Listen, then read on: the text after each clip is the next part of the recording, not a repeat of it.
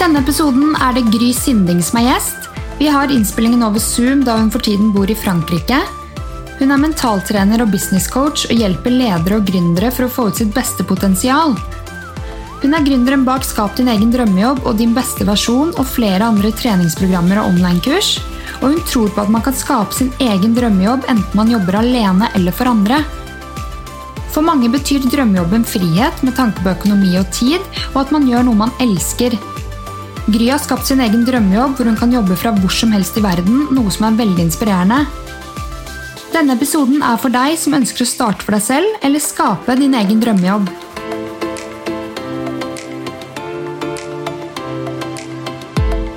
Men da ønsker jeg deg velkommen igjen, jeg er Gry Sundbing. Tusen takk skal du ha, Tina. Det er veldig hyggelig at du har lyst til å stille opp eh, over Zoom fra Frankrike. Eh, og før vi går, Jeg har lyst til å ha en skikkelig gründerepisode. Eh, for jeg har lyst til å gå den veien selv en dag, og vet at mange ønsker det. Men aller først har jeg lyst til å høre din historie og hvorfor du ønsket å gjøre en endring og starte for deg selv. Jeg gjorde det de fleste andre gjør. Du gifter deg, du får unger, du går på universitetet. Du, jeg fulgte den vanlige stien som alle jeg kjente gjorde. Så jeg fikk en veldig bra jobb i IBM som konsulent og hadde bonuser jeg var skikkelig stolt av. Men Uh, levde vel et, egentlig et liv som, som, føltes som noen andre sitt enn mine. Mm. Jeg jobba innen regnskap og finans, jeg jobba med effektivitering og var liksom uh, jeg følte at jeg levde noen andres liv, rett og slett. Så, eh, og det var ikke det jeg drømte om. Så eh, da jeg kom i 40-årskrisa, så stoppa det bare helt opp. Mm. Jeg var 40 år og tenkte hver eneste dag er dette alt, så, så er ikke jeg med lenger. Mm. Så, så, det var der det var. Jeg kom, stilte meg spørsmålet om liksom, er dette livet jeg skal leve. Du er snart halvveis i livet, og er dette det livet du ønsker å leve? Og svaret var hell no, og ikke i det hele tatt. Uh, og da hadde jeg allerede begynt å gå inn i Jeg begynte vel i Da jeg fikk nummer to, så dro vi til Australia en måned.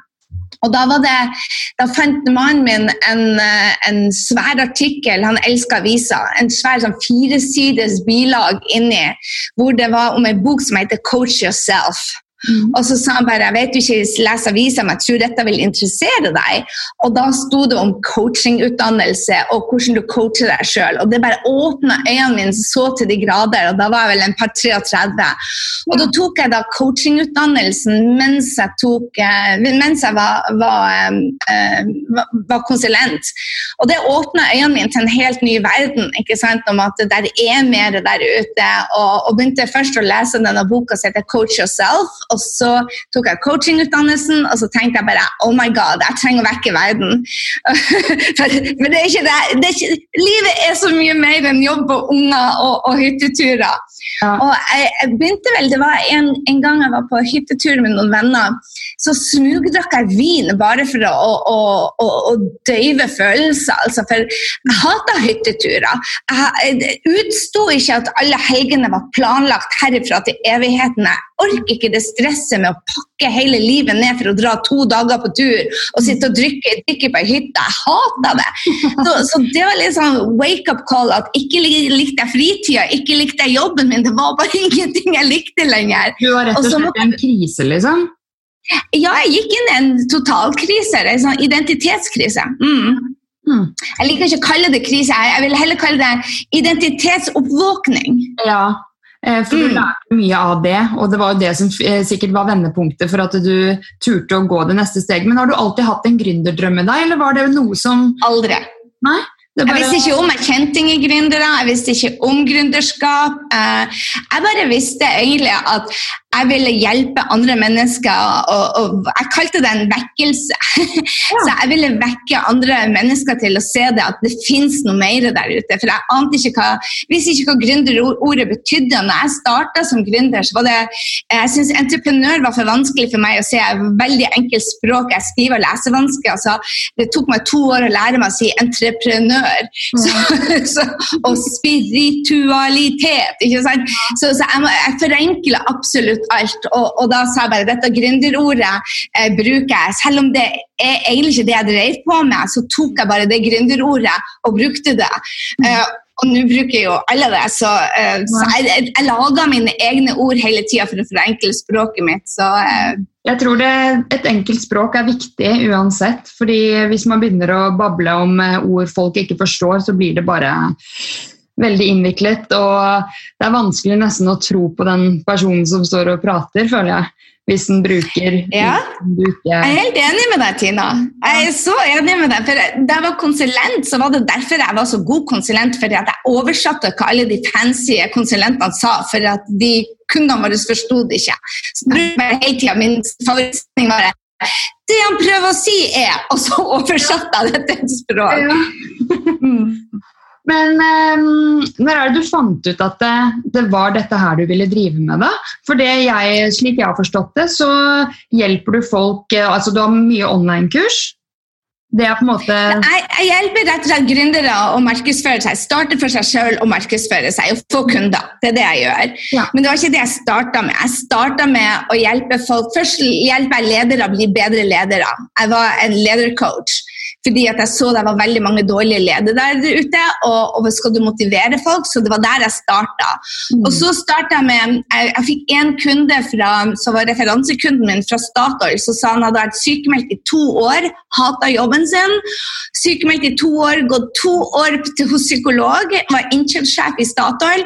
Og så var han på det kurset mitt som heter Din beste versjon, og han var motivert tilbake frisk i jobb etter bare seks uker. Og det var sånne folk jeg ville hjelpe. Så jeg gikk fra å hjelpe ledere til å hjelpe de som var som meg, utbrent i en jobb de ikke likte, til å finne tilbake gleden. For det har ikke så mye med jobben å gjøre, egentlig. Det har virkelig ikke det. Jeg kunne vært happy i den jobben jeg hadde, hvis jeg hadde de verktøyene. Ja. Ja, så, så, så, så, jeg oppdaga jo det at jeg hadde skapa meg en jobb som jeg elska enda mer, men jeg kunne hatt den samme lykkefølelsen som jeg har hver dag nå, kunne jeg hatt i en vanlig jobb mm. hvis jeg hadde visst om de verktøyene. Så da begynte jeg å lære folk å ha det gøy på jobben. Og så kom alle kundene til meg, nei, coachene sa bare Åssen er det mulig at du eh, Jeg tjente jo 5,5 millioner på 18 måneder som vanlig coach.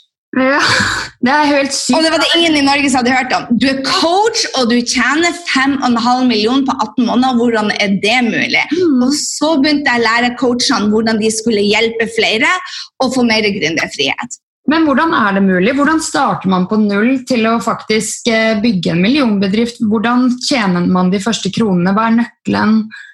For å begynne å tjene penger på ideen sin. fordi ofte har man jo konkurrenter, folk driver med det samme.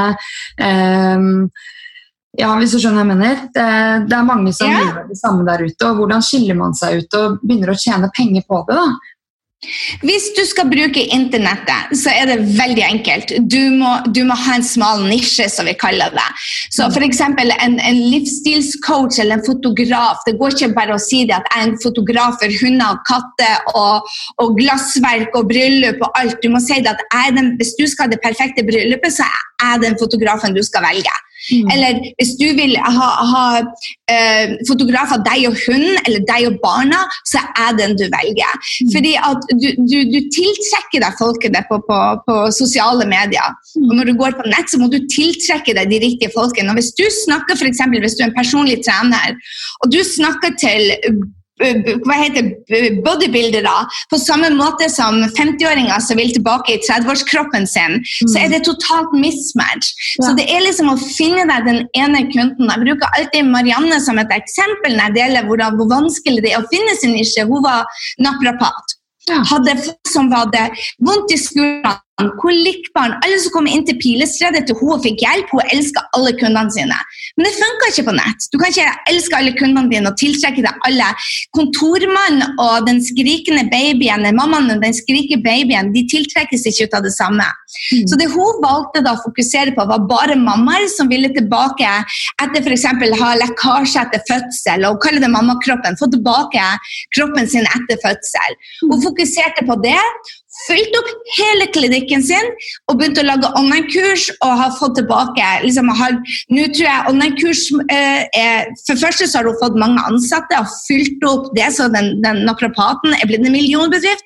Og nå har hun også en online-bedrift som selger online-kurs hvor folk på Andøya, i Tromsø og Balstad og Vestlandet sant, over hele Norge kan trene sammen med henne. Mm. Så, så, men, men var det vanskelig å finne den ene kunden når du egentlig vil hjelpe alle? Ja. Men på nettet så må du starte med å si bare 'jeg skal hjelpe den ene ene'. Ja. Og du begynner å snakke til den ene ene og gi dem verdi istedenfor å selge. Det er da du tiltrekker deg folk. Og så mm. selger du 20% av tida. Ja. Men ikke 100% av tida. Så, så liksom, og, og, det vi gjør, da, det er det vi kaller listebygging. Altså at vi gir noe gratis hvor de må legge igjen navn og e-mail. Mm. Og det er lønna di. Lista er lønna di. Mm. Men eh, så, ikke man på en måte bare skal ende opp med å eh, sitte igjen med de gratiskursene, at folk er sånn 'Dette ga meg egentlig nok eh, med dette gratiskurset'. Eh, hva er, det, hva er liksom nøkkelen for at de... Det er 95 Tina. Ja. 95% er dette nok. Ja. Og så har du 5% som betaler deg. Å oh, ja. ja, ok, skjønner. Ikke sant? Så, så, så, så, hos meg vi har en liste på 20 000 stykker, uh, men når jeg selger så er det 5-10 som kjøper. Mm. Men, men de, de, 95 andre prosentene de som sier bare oh my god, når jeg får penger, så skal jeg virkelig velge Gry som min coach. Ja. fordi at akkurat nå kan ikke jeg, jeg, gjøre det, men jeg tar med meg det jeg får, og det de gjør, da, de deler for deg. Mm. Så, så, hvis du f.eks. har vært med på en av Instagram-utfordringene mine, så har du fått 100 nye følgere, og du har fått gratis coaching, og du er så happy etter ei uke med meg, og du skulle ønske du kunne være med videre, men du sier bare vet du hva, jeg må bygge meg litt til først. Mm. Det du gjør da, det er å trykke det selv, sånn at det er en annen coach eller en annen fotograf eller en annen bryllupsplanlegger som da ser denne posten, og så blir de kunder. Så du har 90% som er markedsførerne dine. 5% som ikke liker deg, og 5% som blir kundene dine. Ja. Og din jobb, Det er din jobb da, å stå imot de 5% som ikke liker deg. For det kommer alltid til å være folk der som ikke liker deg, og som er mobbere, rett og slett. Og, og det er litt å ta clouet at du må håndtere de og ikke bruke tida di på dem, men på de 90% som faktisk digger deg og snakker med deg og kommenterer til deg og deler det du gjør, og de 5% som blir kundene dine. Så jeg har fokus på de 95% istedenfor de det er faktisk ikke engang 5% som ikke liker deg. Du, du kan blokkere dem nå. Før var det det. Du kunne ikke blokkere dem. Nå kvitta du deg fort med dem. Mm. Veldig sant. Eh, men har du møtt på noen utfordringer eh, etter at du starta på deg selv? Nå har du holdt på i elleve år, hvis jeg har forstått det riktig? 11-12 år? Ja, det er elleve år Eh, det er ikke en dag uten utfordringer. Oh my goodness. Da jeg starta med det her i 2012, var det tøffeste året da vi flyttet til New York. Først så fikk mannen min en, en ramla, eller ble påkjørt av en taxi i New York. Så han fikk en operasjon og hjerneskade, så det var en kjempetøft. Dattera vår ble mobba på skolen. Og så var det en kunde som bestemte seg for å ta meg ned.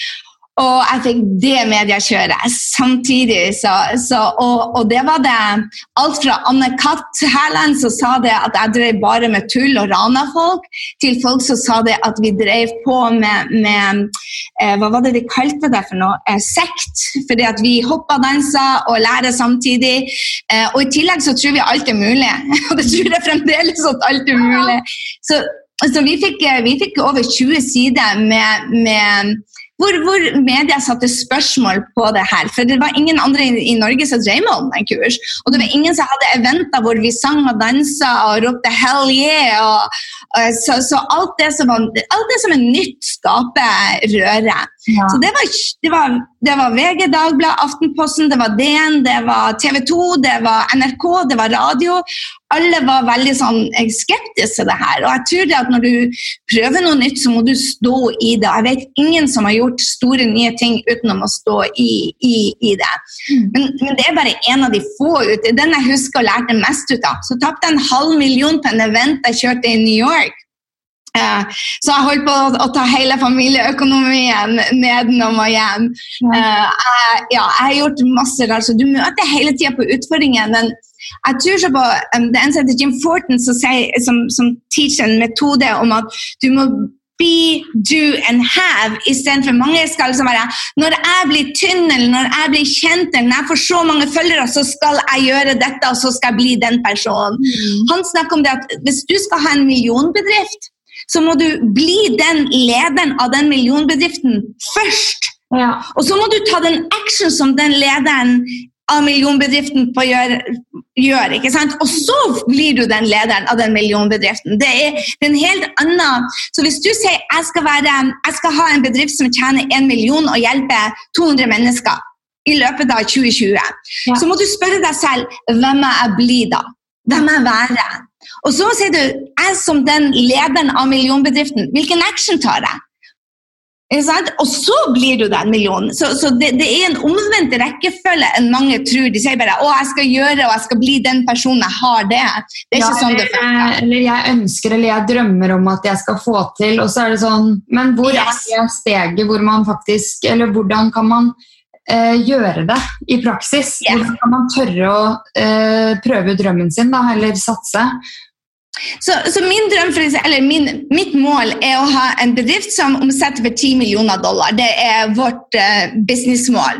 Så 10 millioner dollar er businessmålet. Så når, når da mannen min f.eks. kom for sent til et møte, jeg ble bare råirritert. Men så spør jeg meg selv ok, en leder av en 10 millioners bedrift, dollar, hva ville den personen ha gjort? Mm. Og det var noe helt annet enn å bli irritert. Så da rehearser jeg, da øver jeg meg og spør meg ok, hvis jeg da var en leder hvis jeg er en leder for en 10 millioner bedrift, hvordan ville jeg håndtert den situasjonen? Og så øver jeg meg på det. Og sånn får du da de resultatene. Så neste gang det skjer, så er det en annen Gry som stiller opp. For nå var det bare den gamle versjonen min som blir irritert for småting. Mm. Og, og, og fortelle hvordan det skal gjøres, istedenfor å coache.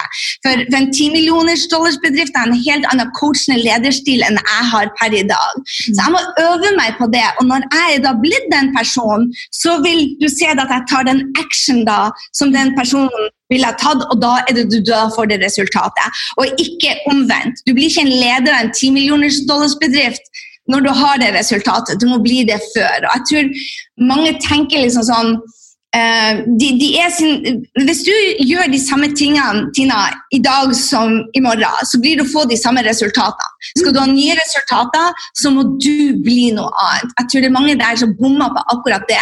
Og de tenker at ja, jeg skal bli en god leder når, når jeg har de resultatene, men det funka ikke sånn. Mm. Veldig sant. Men er det noe du ville gjort annerledes eh, hvis, du skulle, eller hvis du kunne gjort alt det du har vært gjennom nå, på nytt? Hvis jeg skulle starte på nytt nå, f.eks. som jeg gjør Jeg gjør jo det. Jeg starter på nytt nå i USA, helt fra scratch.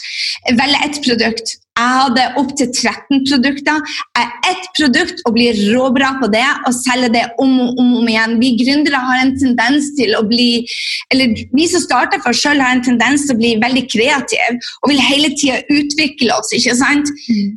Eh, men, men, jeg tror mer på den filosofien. F.eks. Marie Folio, som har vært coachen min, eh, hun, har, uh, hun starta også med fem-seks produkter. Hun hadde virtual-kunder, hun hadde bøker, hun hadde fem-seks produkter. Hun slo først igjennom når hun skvisa det ned og ble god på sitt ene produkt og bygde et team rundt det. Mm. Så, så, jeg tror mye mer at nå når jeg starta i USA, så har jeg ett produkt istedenfor. Jeg har din beste versjon, mastermind, gründer. Jeg har Eh, fordi at jeg kjeder meg fort. Mm. Sånn, jeg vil utvikle meg, og, og, jeg sier bare finn heller på fjellklatring eller noe sånt når du kjeder deg, og, og få deg en hobby, kjære Kry, men, men, ikke flere produkter. For du, du, du, gjør bare ting halvbra da. Så, så mm, det jeg skulle gjerne gjort igjen, er å ha ett produkt og gjort det i verdensklasse istedenfor å ha, ha no, mange produkter.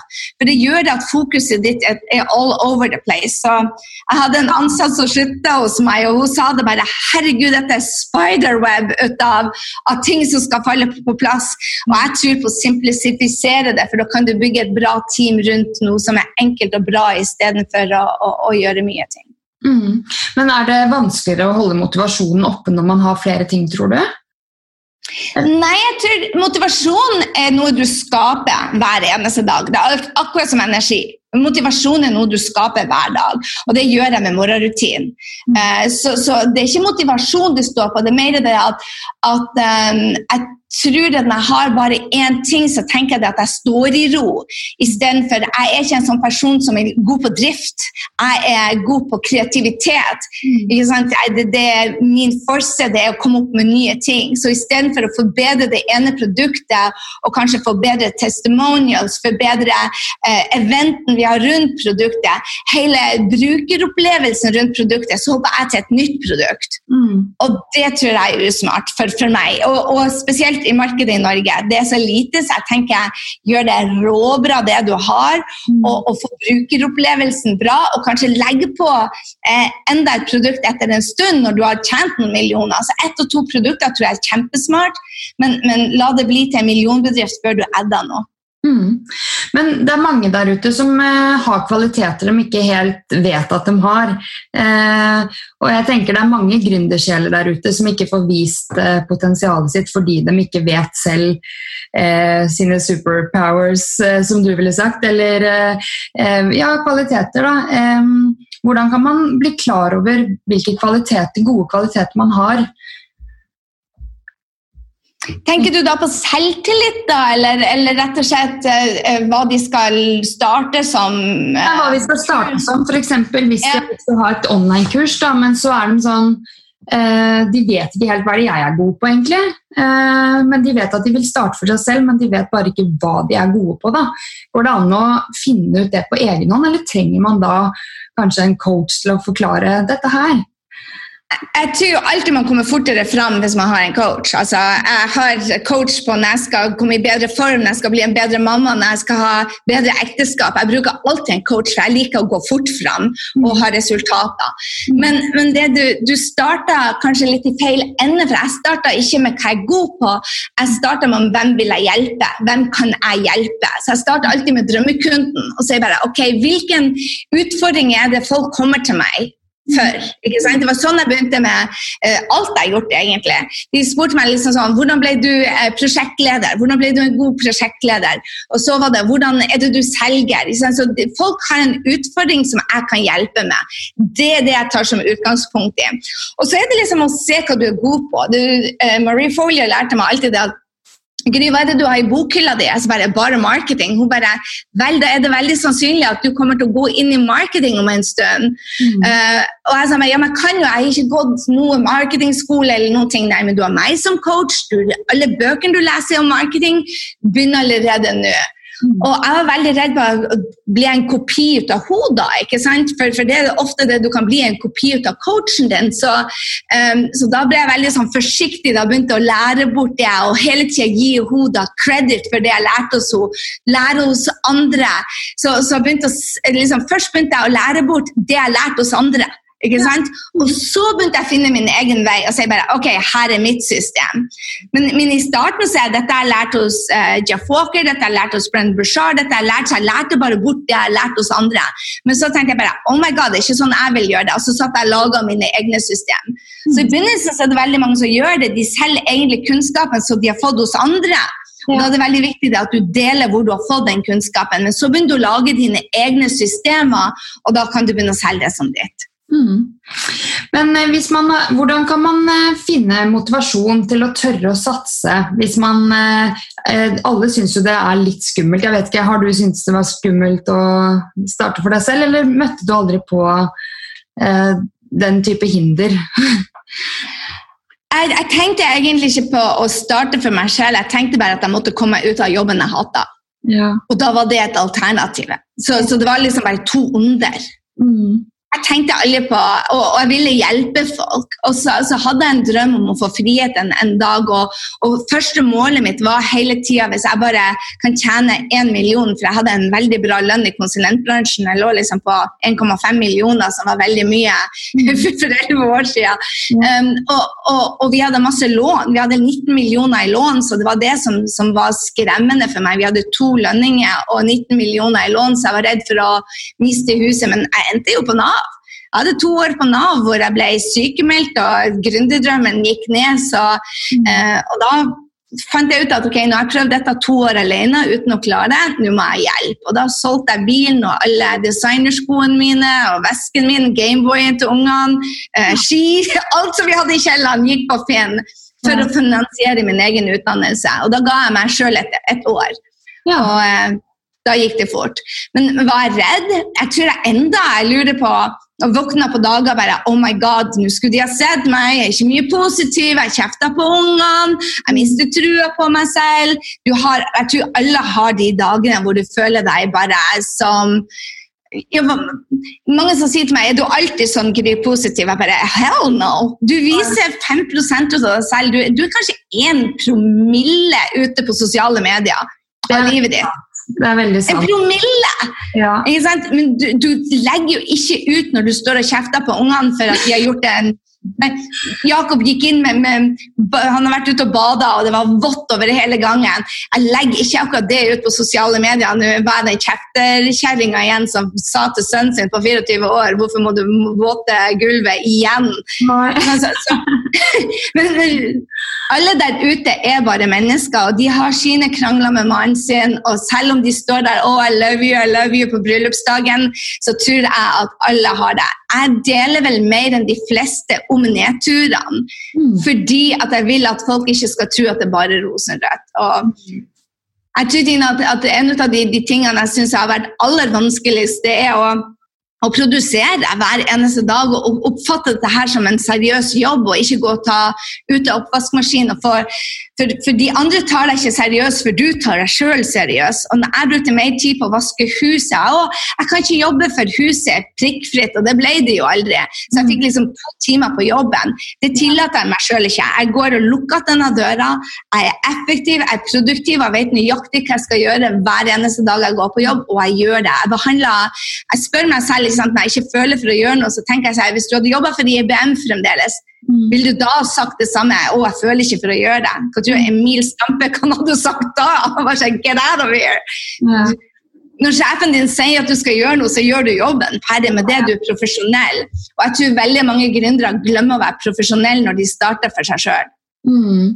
Men er det deilig? Liker du den tilværelsen du du har nå, på en måte. At du kan flytte litt på deg, eh, du kan jobbe hjemmefra. Eller sover du godt om natta? For det er mange som er sånn eh, F.eks. hvis de har en salgsjobb. da. Eh, jeg husker jeg søkte på en salgsjobb en gang, og så fikk jeg høre fra veldig mange at Um, hvis det der er grunnlønna di, så vet jeg ikke om du kommer til å sove godt om natta. Liksom. Og så lurer jeg på, Når man starter for seg selv, da, sånn som du har gjort, og nå går det jo eh, tydeligvis veldig bra.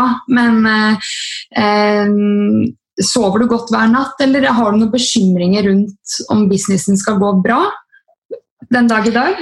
Nei, jeg, jeg, vet at den kunnskapen jeg opparbeider meg, det er ingen som kan ta fra meg. Mm. Så om det skulle komme en ny korona som, som er noe annet enn korona som ikke jeg gjør at La oss si at vi hadde internett breakdown, virus på internett, og at alle kursene mine blir wipe out. Gud forby at internett blir for korona.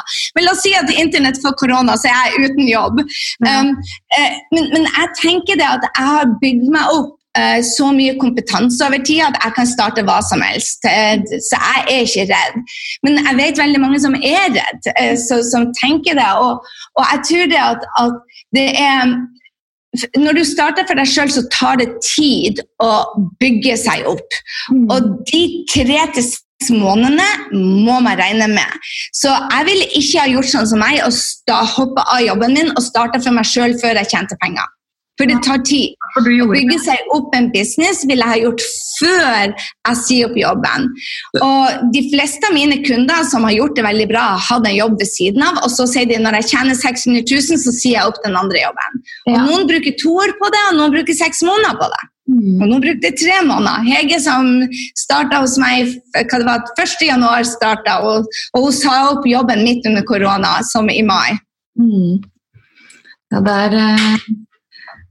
Skumle saker, eller det kan være skumle saker å si opp jobben. Jeg også gjorde det i mammapermisjon, faktisk, men det var pga. dårlig ledelse. At jeg visste at jeg skulle ikke tilbake dit. Og nå er uansett stedet lagt ned. Så jeg har ingen sted å dra tilbake til uansett. Men, uh, så jeg tenker egentlig det, det, er jo en fin tid eh, hvis man er i permisjon også, å tenke litt nytt og eh, bruke kanskje noen måneder på å utvikle ideen sin. Da. Men online-kurs, du har jo et Er det ikke tre måneder du gir noen av kundene eller drømmekunden din? Er Så det vi, vi bruker tre måneder på og jeg Det er derfor jeg syns online-kurs er så genialt. fordi at det er nesten ingen business du kan starte å tjene penger på innen tre måneder. Det, det er ikke det. Du bygger deg som et brand, og du har et produkt, og du kan selge det på tre måneder. Mm. Og så er det noen som selger fem kurs, og så er det noen som selger 100 kurs. ikke sant? Mm. Men det du gjør da, det er det at det er ingen lansering som er mislykka. Om du selger ett kurs eller du selger eh, 100 kurs, spiller ingen rolle. Du bare lærer deg å, å, å lese tallene dine og se hvordan du kan gjøre det bedre. Så jeg lærer kundene mine nøyaktig hvordan de kan lese seg. Ok, Hva var det som gikk gærent? Var det webinaret du ikke klarte? Var det å få dem på webinaret du ikke klarte? Var det e-mailene? Så jeg lærer dem å se nøyaktig hvordan de kan forbedre seg. Og så gir vi aldri opp. Vi bare lanserer til vi lanserer til vi lanserer. og Det er sånn du får en millionbedrift. Du får ikke en millionbedrift på det første kurset ditt, du får det etter et år når du har gjort dette tre-fire ganger. Og noen ganger så tar det kanskje åtte ganger, men det har ikke jeg sett ennå. Jeg ser at hvis du lanserer, det som jeg ser da, det er at folk velger å miste trua på seg sjøl. Mm. Det er det eneste jeg ser. Det er de som klarer det, som tar av, og så er det de som sier at 'oi, jeg var ikke god nok'. Og jeg tror aldri det er folk som ikke er gode nok, jeg tror bare det at de ikke har lært seg det. I går så skrudde jeg, Tina, jeg skrudde opp um, det er, åtte Ikea-hyller. Den første Ikea-hylla til garasjen. Den første Ikea-hylla brukte vi en og en halv time på. Mm. Den andre, den andre brukte vi 30 minutter på. Ja. Og de, alle de andre siste brukte vi en halvtime på. Det var bare sånn bang, bang, bang, bang. Du hadde lært deg systemet. Mm. Ikke sant? Og sånn er det med online-kurs. Og den første gangen du tenker bare oh my god, dette er 2500 ting, og det er det. Og hvis du klarer å ha det gøy i prosessen og sier at jeg skal gjøre mange feil Jeg vet ikke hva det er med oss voksne folk, men vi tror at når vi har lest det og sett andre gjøre det, så skal vi plutselig klare det. Mm. Men det er jo ikke sånn. Hvis du ser en film om å svømme, og du ser andre svømmer, og du hopper og putter tåa di ut der Det skal noen svømmetak til du blir like god. Og sånn er det med online-kurs også. Du blir jo kave litt. Og hvis du bare vet om at du blir å kave, og at det blir ikke perfekt Jeg har ennå ikke hatt en perfekt lansering, men vi tjener mye penger. Og vi hjelper mye folk. Mm. Men det trenger ikke være perfekt. Du må bare tørre å feile mens andre ser på. Ja, det er akkurat det. Eh, og, men hvordan kan man bygge opp selvtilliten, mener du? Eh, fordi mye handler om selvtillit. Man er redd for at folk skal dømme deg fra utsiden. Eh, Men jeg tror ikke på det, Tina. Jeg tror ikke det handler om selvtillit. ok. Jeg tror ikke det handler om selvtillit i det hele tatt. Selvtillit er noe du får i prosessen med å gjøre ting du ikke kan. Ja. Jeg tror du trenger mot. ja. Jeg tror du, du trenger mot til å gjøre ting du ikke kan, rett og slett, og, og feile i prosessen. For Mm. selvtillit kommer når du har gjort det fem-seks ganger. Gi meg Ikea-hylle nå. Hvis du gir meg bror et Ikea-hylle, you betcha jeg kan sette den opp. Men hadde jeg selvtillit før jeg starta? Nope, jeg bare oh my god, hvor mange sider instruksjoner er det? Mm. Um, jeg holder Hvis jeg ser på tilbake i fjor, da når jeg eh, fikk samarbeid med Moderne Media og skulle lage podkast, og det tok eh, lang tid før jeg turte å gå dit at jeg skulle spørre om noen ville samarbeide med meg. Eh, og det krever jo mot, som du sier, da. Eh, men jeg hadde jo ikke super selvtillit da jeg spilte inn første episode, f.eks. Men, og jeg har fortsatt ikke super selvtillit, fordi jeg vet at podkasten kan bli bedre og bedre og bedre. Men jeg eh, fra i fjor, da når jeg var redd for eh, litt sånn, hva vil folk si hvis jeg lager podkast og sånn, men i dag så ville jeg ikke brydd meg et sekund om noen satt og sa herregud, Tina har laget podkast, fordi dette er mennesker jeg ikke ville hatt noe med å gjøre uansett, tenker jeg da. Ja, og jeg tror bare det ikke er selvtillit. Jeg tror Du må tenke på at folk vil dømme deg uansett. Mm. Det, det gjør det. Det er folk som liker deg, og det er folk som ikke liker deg. Og det uansett hva du gjør for noe. Jeg tror bare at Så fort du blir synlig på internettet, så vil kanskje noen si det høyt. Men so what? Jeg mener, hva, hva, hva fremmedfolk sier om meg på internettet, bryr jeg meg veldig lite om. Mm. Eh, eh, vet du hva, Mannen min jobber for meg nå, men da vi starta businessen vår, så lurte han på hvor lenge skal den tøtta holde på med det her for å gå tilbake til sin vanlige jobb. Ja. Hvor lenge skal den 40-årskrisa vare, tenkte han. Mm. Så, så, det var ikke som om det var mange som støtta meg, men du må tro på deg. Du må velge å tro på at du, du, du får Jeg tror at når du har en stemme inni deg som sier det at gjør det, Tina. Gjør det. Lag en podkast. Gå på scenen. Jeg tisser på meg fremdeles når jeg går på en scene. Jeg holder foredrag. Jeg var nettopp og holdt et foredrag på scenen til, til um, før korona. Så sto jeg foran 2000 mennesker. Jeg tisser meg ut! Foran 2000 mennesker. Jeg tisser meg ut hver eneste gang. Men nå har jeg truseinnlegg der. Jeg vet det er en reaksjonsmåte jeg kaster opp på. Jeg vet det. Jeg spiser ikke så mye før jeg går på scenen. Jeg har lært det. Du spyr og du tisser på deg når du er nervøs. Men jeg bare vet at dette skal jeg gjøre, for kan jeg hjelpe ett menneske eller to mennesker eller tre mennesker? Når folk kommer tilbake til meg og sier bare Jeg har vært så mange ganger med min mentor Brendan, så sier de Når du sa det at du endte på welfare, mm. og du allikevel ikke ga opp jeg har holdt på i ett og et halvt år nå, jeg har så lyst til å jobbe opp. Du ga meg trua på tilbake til meg sjøl. Så kommer de tilbake etter år. Gry jeg hjelper 1000 mennesker. Du sto der og sa til meg 'gi ikke opp'. Jeg hørte på deg. Mm. Det, det, det, var verdt, det var verdt det trusinnlegget. Det var verdt å spy. Og sånn tenker jeg hele tida. Hvis det er én person du kan hjelpe, så bryr jeg meg ikke om de syv haterne som er der ute. Believe me, jeg har hatere der ute. Og, og I couldn't kill us. Jeg tror bare de har det veldig veldig vondt inni seg. Ja, enig i det. At hvis man ønsker folk eh, eh, at de ikke skal lykkes, så har de noen issues selv. Da. Fordi hvis man har det bra med seg selv, så ønsker man alle godt, på en måte. Men jeg tenker på det, hvor mange ganger har ikke jeg skjelt ut f.eks. når jeg har fått en bot? Han gjør jobben sin. Så ja. kommer jeg der, parkert feil, og så skjeller han ut for å gjøre jobben sin. Mm. Eller jeg ringer Telenor og forteller hvor idioter de er. Believe me, jeg har gjort det. Ikke de, altså En ti millioners dollar CEO gjør ikke det, så det begynner å bli en stund siden. Men det er bare fem-seks år siden jeg skjelte ut folk på telefonen og sa at de var noen tullinger. Og det er jobben, de gjør jobben sin. Mm. Så jeg tror det er det å huske det at, at noen ser det på sin livsoppgave og forteller at jeg er djevelen og skal redde andre mennesker. De tror faktisk at jeg er djevelen. Ja. Der, der, er et menneske der ute som tror at jeg er djevelens verk. Mm. Jeg vet jo at jeg ikke er der. Jeg vet at jeg er her for å hjelpe, men de tror på noe annet. That's not my business. Det er virkelig ikke det. Blokk ferdig med det. Ja. Hva andre bruker sin tid på, å dra andre ned, det, det er ikke vår business. Nei. Vi må ha fokus. Og jeg ser på Opera, jeg ser på min Brenda Bushard, jeg ser på alle mine mentorer. De har hatere. Ja. Det vil de alltid være det. Mm. Det vil alltid være det. Mm. Men um, eh, hvis man har, eh, når det kommer til online-kurs igjen, da, eh, hvis man har flere interessefelt eh, For det er ofte ikke én ting man åh, det er veldig, De er heldige, de som på en måte vet bare Det er den tingen. Men Eh, hvis du er glad i å lage mat, du, du er glad i å trene, du, eh, du vil hjelpe folk du, ja, Det er mange ting, da. Hvordan, man, hvordan, vet man hva man skal plukke ut av den tingen og skape på en måte en, et online-kurs, eller en, man kan skape en drømmejobb ut av det? da?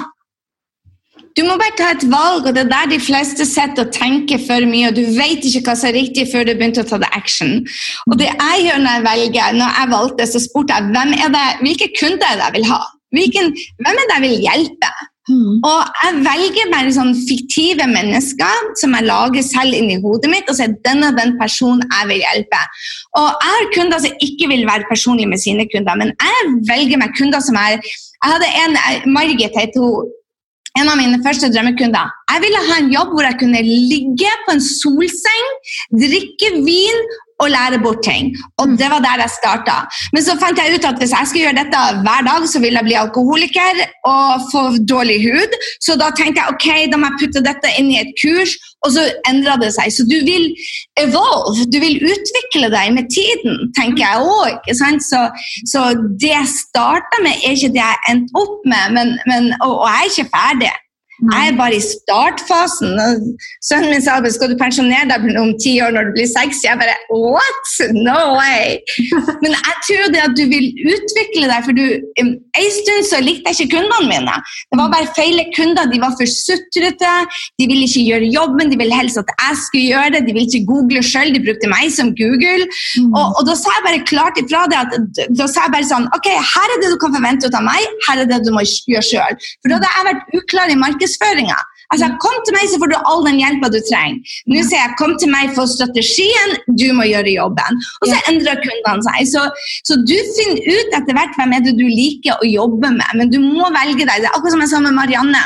Hun kunne ha jobba med fotballspillere, hun kunne ha jobba med, med, kontorskader, hun kunne ha jobba med de, de, med dårlig rygg. Hun valgte seg mammaer, og så har hun bare hun elsker kundene sine. Elsker, elsker kundene sine.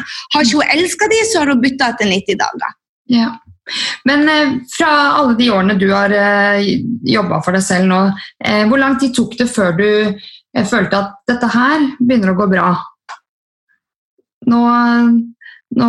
Jeg tror jeg nådde min første million, så visste jeg det. For jeg hadde, jeg hadde satt meg um, Jeg holdt på i to år hvor jeg endte på Nav, så jeg tjente 60 000 i året, og resten betalte Nav meg. Mm. Så de to første årene var tøffe.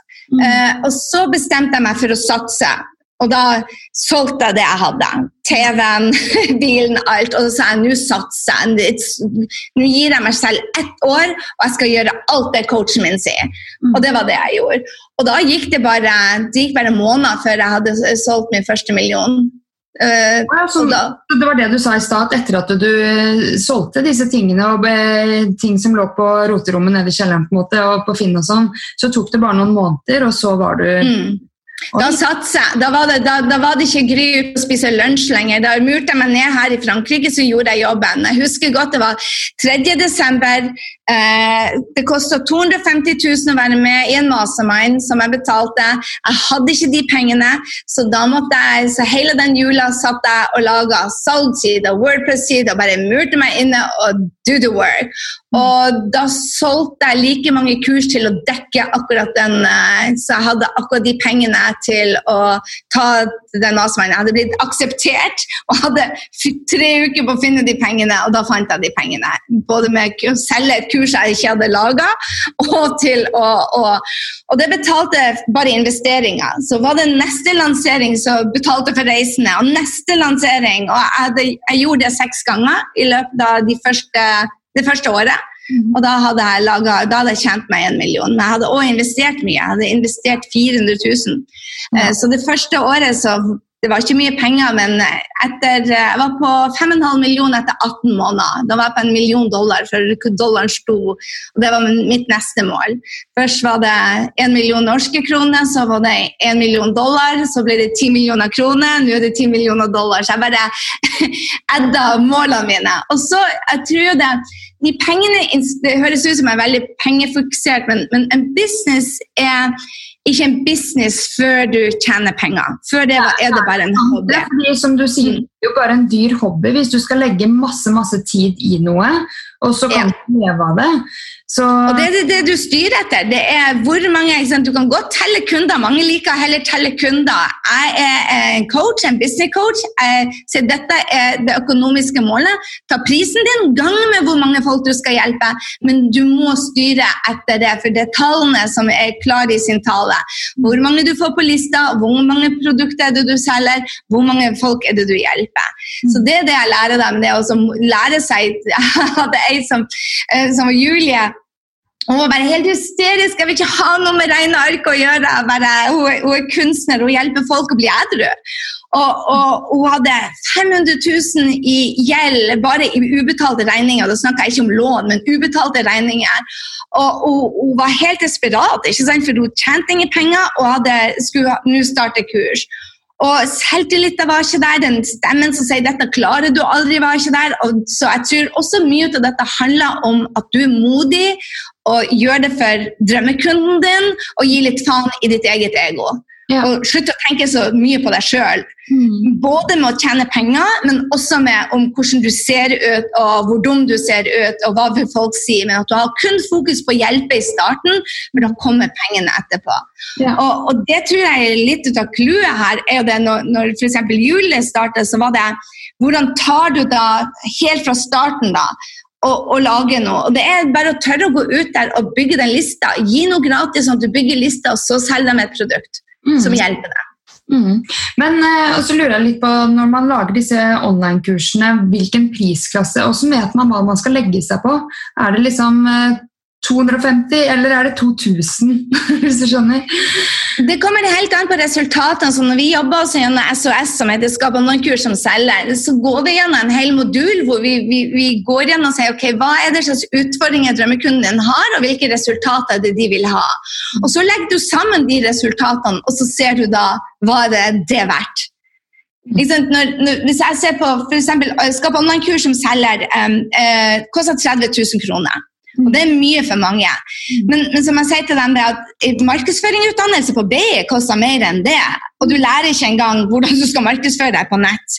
Eh, Så jeg sammenligner hva annet de kan kjøpe. Og så sier jeg at hvis du kan tjene inn de 30 000 i løpet av de første 90 dagene, og så gjør det i, ta tigangen og tigangen og tigangen, er det da verdt det.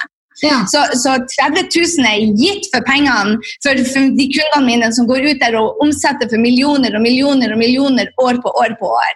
Men for de som blir redd og sier dette klarer jeg ikke, og dette er vanskelig, og jeg ser så dum ut, og jeg er ikke så fin, og jeg er ikke så er god på kamera, jeg er ikke så, kan ikke dette, for dem er det waste of money. Mm. Det er jo det. ja, absolutt. Eh, Du må tørre, jeg tror 80% av jobben der er der å, å, å, å, skjønne at dette kommer til å bli utfordrende, og gjøre jobben selv om det er utfordrende. Mm. Du har sikkert svart på dette, men hvis det sitter noen og hører på denne episoden og har veldig lyst til å starte for seg selv, um, har du noen spesifikke sånn, råd til de, eh, for at de skal tørre å satse? Så begynn å teste ut først. Jeg ville testa det ut først. Og se bare OK, gå ut på internett der, lage seg en konto på Kajabi, eh, og, og lage en sånn opt-in, for det er den tekniske biten ut av det. Um, den opt-in der du legger igjen navn og e-mail, for e-mailen er lønna. det? Og da kan du se det. OK, klarer jeg å, å være der ute og gi verdi til folk? Ta de gratiskursene som er der. Du, Dypp tåa ut i vannet og se om du liker det. For hvis du ikke utstår å se deg sjøl på bilder, hvis du ikke utstår å, å dele av dine feil og opplevelser, hvis du eh, prøver å være en ekspert som kan alt, så Internettet fungerer ikke til det. De, de vil, altså, sosiale medier, i hvert fall denne måten vi gjør det på, så er sosiale medier handler om kontakt. Så døpp føttene ut der og se liker du å gi verdi til andre mennesker. Liker du å hjelpe på nett? Mm. Og, og hvis du da ser bare Oh my God, når jeg får snakke med folk og Bare ting som bare ting som Jeg, jeg driver jo ikke med trening, men jeg er utdannet personlig trener for mange herrens år siden. Det var en av de tingene. Så, så en av de tingene som gir meg lykke, det er når mannen til Annelise, som følger meg Annelise er en kunde på Gründerud, som da er medlemsportalen min. Annelise så en post hvor jeg sa hashtag gründerutfordring. Tren 30 minutter hver dag. Gå en tur, men hold deg i bevegelse. Skap din egen energi. Mm.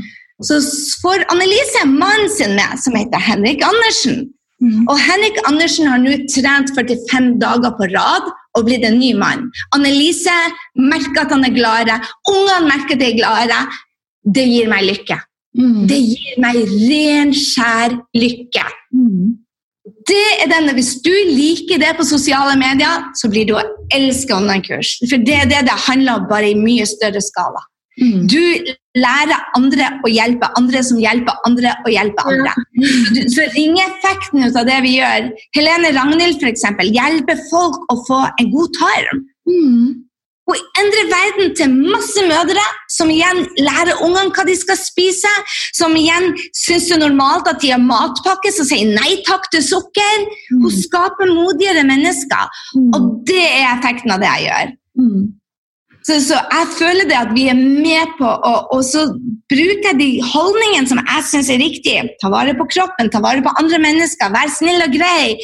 Vanlig høflighet, la oss gjøre det vanlig igjen. Si tusen takk. Alle disse småtingene som er viktige for meg, har jeg nå en plattform å dele til. Mm. Du har skapt en egen drømmejobb, rett og slett. Ja! Og, og, i prosessen, og, i prosessen, så tror jeg vi gjør Norge litt mer gladere og vennligere og mer omtenksom. Mm. Nei, Du har absolutt åpnet et nytt univers for meg når det kommer til online-kurs. Jeg, jeg, har liksom aldri gått uh, inn og prøvd å finne ut hva er, hva er det det går ut på. Jeg har alltid dratt på kurs fysisk og vært der til stede, men det, så, det virker så utrolig bra å skape noen online-kurs uh, og kunne ja, ha de hjemmefra, både uh, de som lager det selv, og hvis du kjøper et online-kurs, og kunne følge det opp hjemmefra. da for det er ikke alltid at man har muligheten til å stille opp på et sted fysisk, og da dropper man gjerne å dra på det kurset fordi du ikke kan dra til eh, det lokalet den og den dagen, liksom. og så tror jeg det at det å ta self-education og utdanne seg selv blir mer og mer normalt. Jeg tror det at jeg tar jo f.eks. meg og mannen min lage et bedre ekteskap med online-kurs. Vi blir bedre foreldre med online-kurs. Jeg lærer meg å pusse opp med online-kurs. Jeg lærer meg nå eh, bedre fransk med online-kurs. Trene med online-kurs. Jeg tror det blir bare mer og mer normalt at man vil utvikle seg. For Hvis ikke så blir man bare gamle, sure kjerringer som bryr seg om hva naboen gjør. Så det å være i utvikling tror jeg blir bare mer og mer normalt. Og det er mye billigere å gjøre det hjemmefra, og du kan gjøre det i ditt tempo. Sånn som nå i sommerferien tar jeg fire kurs. Ja, ikke sant? jeg lærer meg fransk, jeg, jeg, holder på å lære meg mer på Instagram, jeg lærer meg YouTube. Og, så, så, hele tida lærer jeg noe nytt, og jeg holder på å lære meg å ansette. De kursene tar jeg nå i sommer for å bli en bedre leder når august kommer. Så jeg tror det blir bare enda mer normalt å ta disse kursene, men du får hjulpet så veldig mange flere også. Dette er et marked som kommer til å eksplodere. Og jeg tror ikke det kommer til å bli for mange om beina. Fordi at Tina, din energi er helt annerledes enn min energi. Mange syns jeg snakker så fort, jeg er så hysterisk, jeg er for direkte. Og det er bare for intenst. Du vil ikke tro hvor mange som kommer til meg og sier bare 'Gud, den dama der er bare intens'. Jeg syns du har positiv energi, ja. og, og, Astrid sa bare 'Gry, jeg ble sliten etter fem minutter med deg, men nå er en av mine beste kunder'. Ja. Så jeg måtte bare lære meg det. Du var best på feltet. Jeg måtte bare lære meg å holde ut med deg, og nå elsker jeg det. Du må av og til bli vant til meg. Men mm. det er andre som lærer bort akkurat det samme som meg, så har jeg rolig energi. Mm. Helt, så, så jeg tror ikke det at Sånn som min PT, jeg har en som er rolig, og en som er hysterisk. Ikke sant. Ja. og jeg liker begge. På mm. tirsdag har han ene, på torsdag har han den andre. Ja. Så, så, jeg tror det, det, det, er ikke sånn at det er bare rom for én. Det er rom for mange. Og din energi der ute vil tiltrekke seg de riktige folkene. Mm. Og så syns jeg du sier noe bra med at uh, du lærer uh, mest av de som har erfaring, og ikke nødvendigvis de som uh, har en utdannelse innenfor det og det feltet. Og det er jeg helt enig med deg i, fordi erfaring er det man blir best av. Da.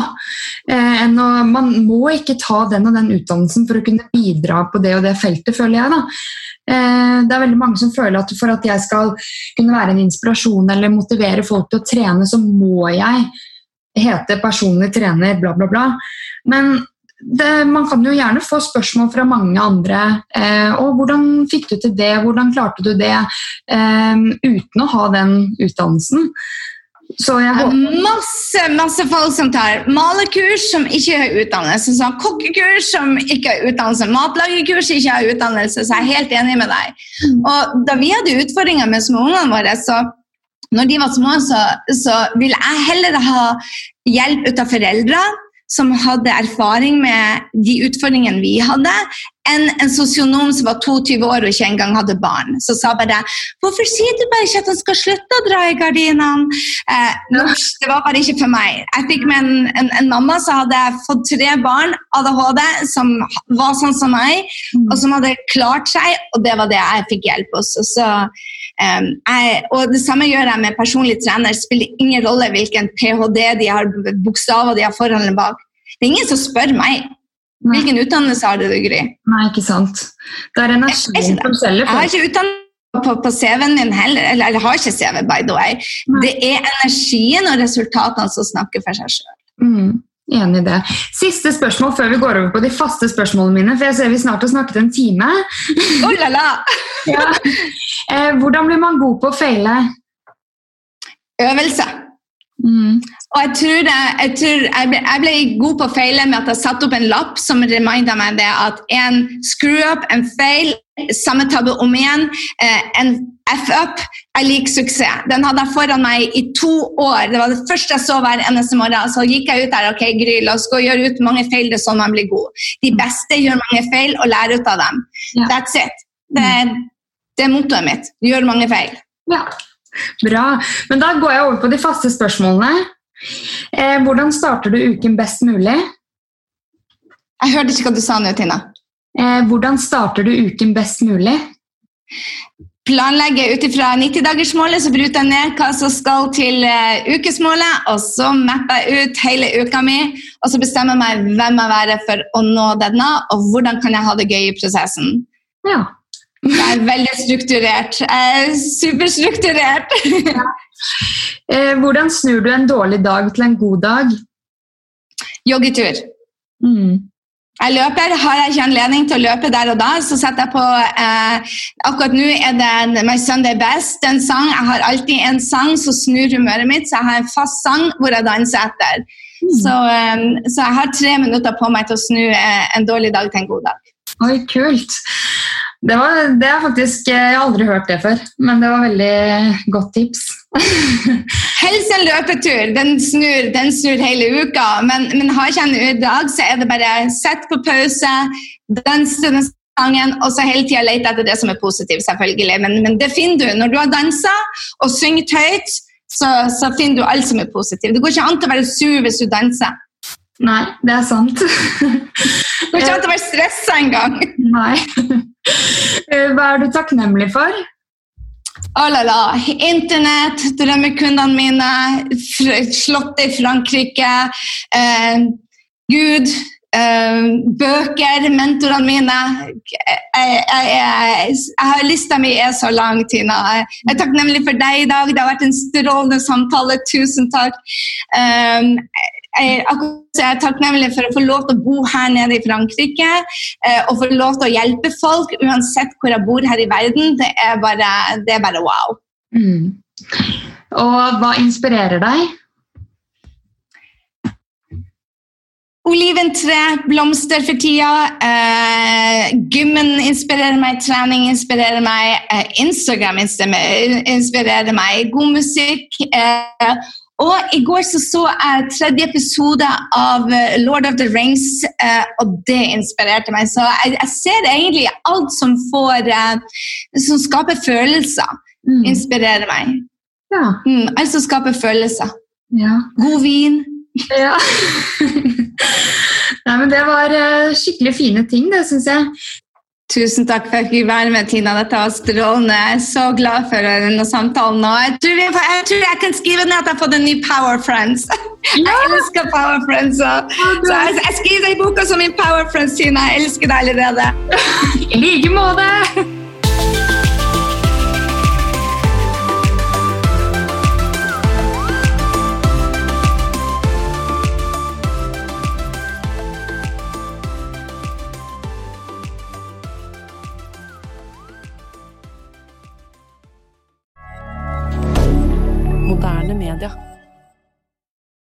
Har du et enkeltpersonforetak eller en liten bedrift?